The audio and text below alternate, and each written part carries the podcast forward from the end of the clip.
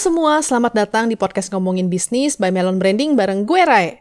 Sesuai namanya, podcast ini akan banyak ngebahas seputar bisnis, khususnya di bagian marketing, branding, dan advertising. Biar pas gitu, karena kita masih inline dengan perbrandingan yang biasa dibuat nih sama Melon Branding.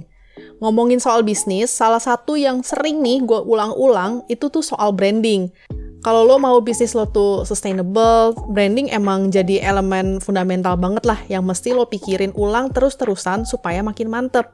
Ketika lo udah punya branding yang kuat, lo jadi lebih gampang nih mikirin strategi marketing yang tepat biar sales lo tuh juga bisa naik. Kalau bingung branding itu apa dan komponennya apa aja, gue udah pernah bahas nih di episode-episode sebelumnya. Lo coba deh cari aja sesuai dengan kebutuhan lo. Lo tuh mau soal branding di bagian mananya dan berkaitan dengan apa. Lo cek-cek aja ya di episode ngomongin bisnis sebelum-sebelumnya. Walaupun branding akan menentukan strategi marketing, branding sendiri punya strateginya sendiri nih. Setiap brand pastinya punya cara yang berbeda untuk bisa nge-branding brandnya sendiri. Sebenarnya kenapa sih branding ini penting selain biar bisa bisnis lo tuh lebih sustain gitu. Nah, alasan yang berikutnya tuh lo jadi bisa kelihatan beda dari kompetitor walaupun jualan kalian tuh mirip. Jualan di sini nggak cuma jualan produk ya, tapi juga jualan jasa. Penting banget nih punya unsur pembeda atau unique selling proposition. Sebenarnya ada banyak jenis pembeda sih yang bisa lo pakai buat nge-branding. Ini tuh tergantung lo tuh mau nangkep audiens dari sisi mana. Misalnya kalau yang lain lebih fokus untuk ngomongin fungsi produk, lo bisa ngomongin dari pain points target market lo dulu. Atau lo bisa tarik lebih panjang lagi benefit apa yang bisa lo kasih ke target market.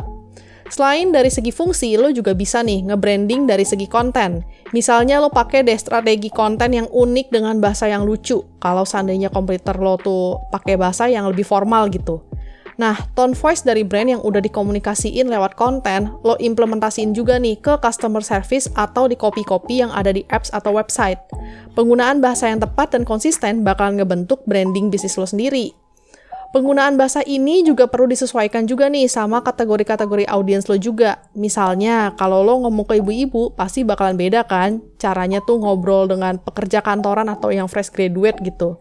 Nah, diferensiasi bahasa ini udah jadi diferensiasi strategi sendiri nih buat bisnis lo. Salah satu brand yang gue suka banget itu Gojek. Dia tuh berhasil bikin strategi branding macem-macem biar bisa nangkep berbagai jenis target audience. Apalagi emang produknya dia kan kebanyakan yang B2C ya dia bisa tuh ngobrol ke kalangan pedagang dengan produk GoFood-nya dan produk buat terima bayar digital gitu. Terus juga dia bisa nih ngobrol ke rakyat biasa yang emang biasa pakai ojek, bahkan sekarang yang strata keuangannya di atas juga bisa nih ngerasain ojek dan taksi online yang ditawarin sama Gojek. Selain soal bahasa, lo juga bisa buat pembedaan di user experience.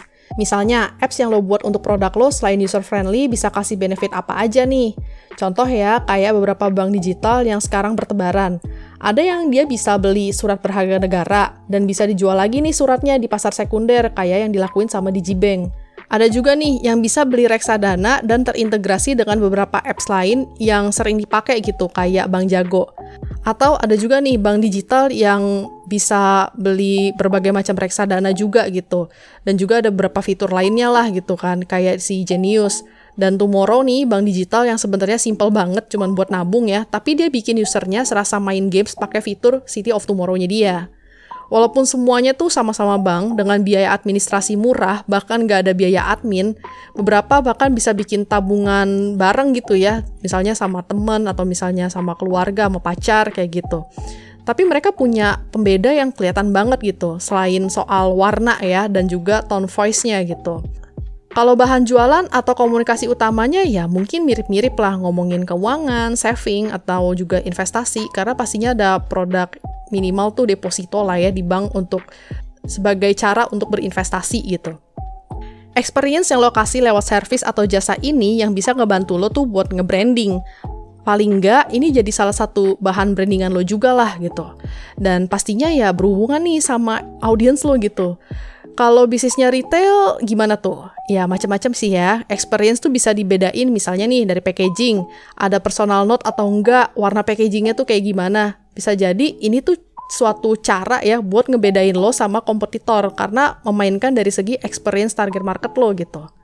Kalau dipikir-pikir, bikin diferensiasi strategi branding ini kayaknya tuh banyak banget nih buat bisnis yang punya produknya cukup banyak produk yang banyak gitu dari sebuah bisnis gitu ya, emang bikin lo jadi punya segudang cara buat nge-branding. Pastinya dengan satu komunikasi besar tentang bisnis lo gitu ya. Tapi kalau produk dari bisnis lo cuma sedikit nih, sekitar 1 sampai 3 produk gitu. Masih bisa juga kok diimplementasiin diferensiasi strategi branding ini. Lo tinggal tentuin aja nih mana yang mau lo kembangin user experience-nya kah, atau cara komunikasinya, atau fungsi dari produk lo sendiri, atau yang lainnya nih. Setelah dibuat beberapa poin yang mau dikembangin, coba deh tentuin aja nih tujuan dari brandingan lo tuh apa sih dengan pakai beberapa poin yang tadi. Terus dibagi lagi deh, target audience lo nih bakalan ke mana kalau lo mau nge-highlight experience misalnya. Terus kesempatan yang bisa lo ambil kayak gimana tuh dari si audience ini. Sebenarnya ya balik lagi ya, mesti di match dengan fundamental branding yang udah pernah gue share tuh, mulai dari target audience, kompetitor, dan juga opportunity yang bisa lo ambil tuh kira-kira tuh kayak gimana. Nah itu semua tuh yang bakalan ngebentuk diferensiasi strategi nge-branding lo gitu. Nah, semoga nih ya, dari sini lo bisa jadi semakin mantep deh buat tentuin diferensiasi strategi branding bisnis lo. Ngomongin bisnis emang adanya dalam bentuk podcast sih, tapi lo juga masih bisa nih belajar-belajar dan cari tahu seputar bisnis, marketing, branding, advertising di Instagram kita at melonbranding dan di website kita www.melonbranding.com. Jangan lupa buat terus follow Instagram kita. Kalau misalnya lo suka juga dengan podcast ini, jangan lupa juga untuk kasih rate di Spotify ya. Thank you udah dengerin gue. Sampai ketemu di next episode. Bye-bye.